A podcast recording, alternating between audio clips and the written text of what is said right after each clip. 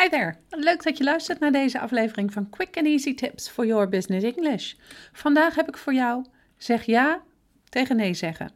Mijn naam is Anneke Drijver van Improve Your Business English en de auteur van het boek Master Your Business English: Communicate with Power in 7 Simple Steps. Ik help jou als ondernemer of doelgerichte professional van je middelbare school Engels af, zodat je ook internationaal met impact en vol zelfvertrouwen in het Engels kunt communiceren, maar bovenal volledig jezelf kunt zijn.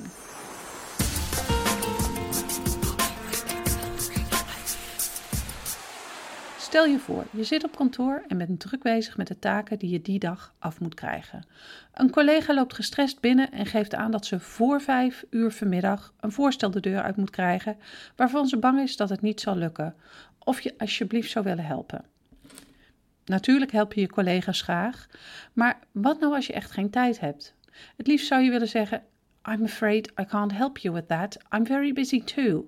Maar vaak verandert dat toch in iets als: Hmm, I'm in the middle of something, but maybe I could check it out during lunchtime. Of een up in the air, let me think about it.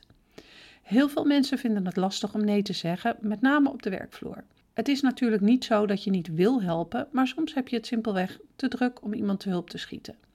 Natuurlijk is je steentje bijdragen soms belangrijk om een leuke en collegiale werknemer te zijn, maar onthoud dat nee zeggen op zijn tijd ook erg belangrijk is. Als je namelijk te veel hooi op je vork neemt, heeft dat invloed op jouw werkprestaties en dat is natuurlijk niet de bedoeling.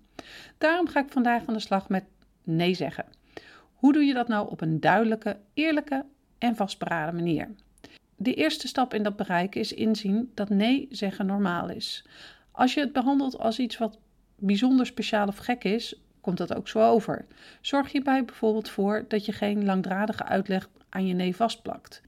Daarnaast hoef je je niet te verontschuldigend op te stellen. Bij het nee zeggen is een sorry natuurlijk altijd op zijn plaats, maar iedereen begrijpt dat jij er ook niks aan kan doen en dat je het druk hebt. Dat heeft geen ellenlange excuses nodig. Daarnaast is het belangrijk om jezelf te trainen om vastberaden te zijn, of in ieder geval zo over te komen. Bij twijfel of aarzeling zal een groot deel van je collega's je proberen over te halen. Die aarzeling komt hoogstwaarschijnlijk voort uit het feit dat je eigenlijk wel aanvoelt dat je nee wil zeggen. Het is dan voor jou en je collega's beter om die nee vastberaden uit te spreken, zonder momenten van aarzeling voorafgaand. Hierbij is het ook belangrijk om het vraagstuk niet open te laten. Probeer je dus niet in allerlei bochten te wringen in je antwoord om misschien toch een mogelijkheid te bedenken om. Als het je niet gaat lukken, lukt het niet. Realiseer je ook dat mensen eerlijkheid waarderen. Als iets bijvoorbeeld niet mogelijk is, geef dat dan duidelijk en specifiek aan. Stel, een zakelijke relatie doet een voorstel, maar het gaat jouw kantoor in no way lukken om dat binnen het tijdslot af te krijgen. Zeg dan niet alleen dat het niet lukt, maar geef ook aan waarom. Dit stukje specifiek zijn draagt tevens bij aan de vastberadenheid en duidelijkheid waarin je jouw nee antwoord overbrengt. Als laatste tip geef ik je één woordje mee, wat in alle gevallen bijdraagt aan de duidelijkheid van jouw antwoord. Je raadt het al, het woordje nee. Begin je zin met dat woord en het is meteen duidelijk waar je collega's aan toe zijn. Onthoud hierbij wel dat je empathisch en diplomatiek moet blijven. Alleen een nee is onbeleefd en raad ik je dus niet aan. Hoe blijf je dan toch beleefd? Probeer ervoor te zorgen dat jouw nee-antwoord de volgende onderdelen bevat. 1. Maak een statement of kort excuus, zoals I'm sorry, but, of I'd like to, however, of I appreciate the offer, but. 2. Leg duidelijk uit waarom je antwoord nee is. 3.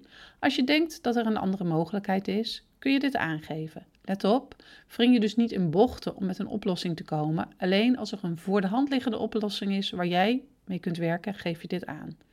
Om af te sluiten geef ik je een aantal Engelse hulpzinnen die je kunt inzetten bij het nee zeggen. Wat dacht je van I would love to help you, but right now I'm really busy with I wish I could, but right now I need to focus on.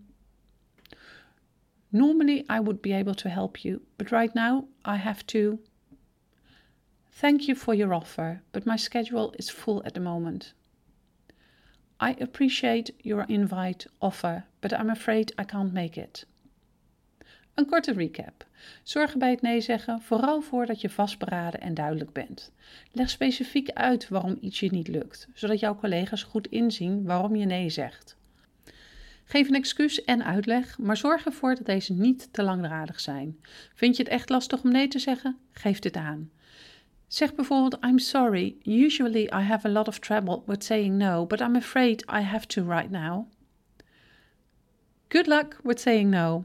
Als je deze aflevering hebt geluisterd, zou ik het enorm op prijs stellen als je een review voor ons zou willen schrijven op SoundCloud of iTunes. Dit helpt anderen weer om onze podcast te kunnen vinden en daarmee hun Engels te verbeteren. See you next time met quick and easy tips for your business English.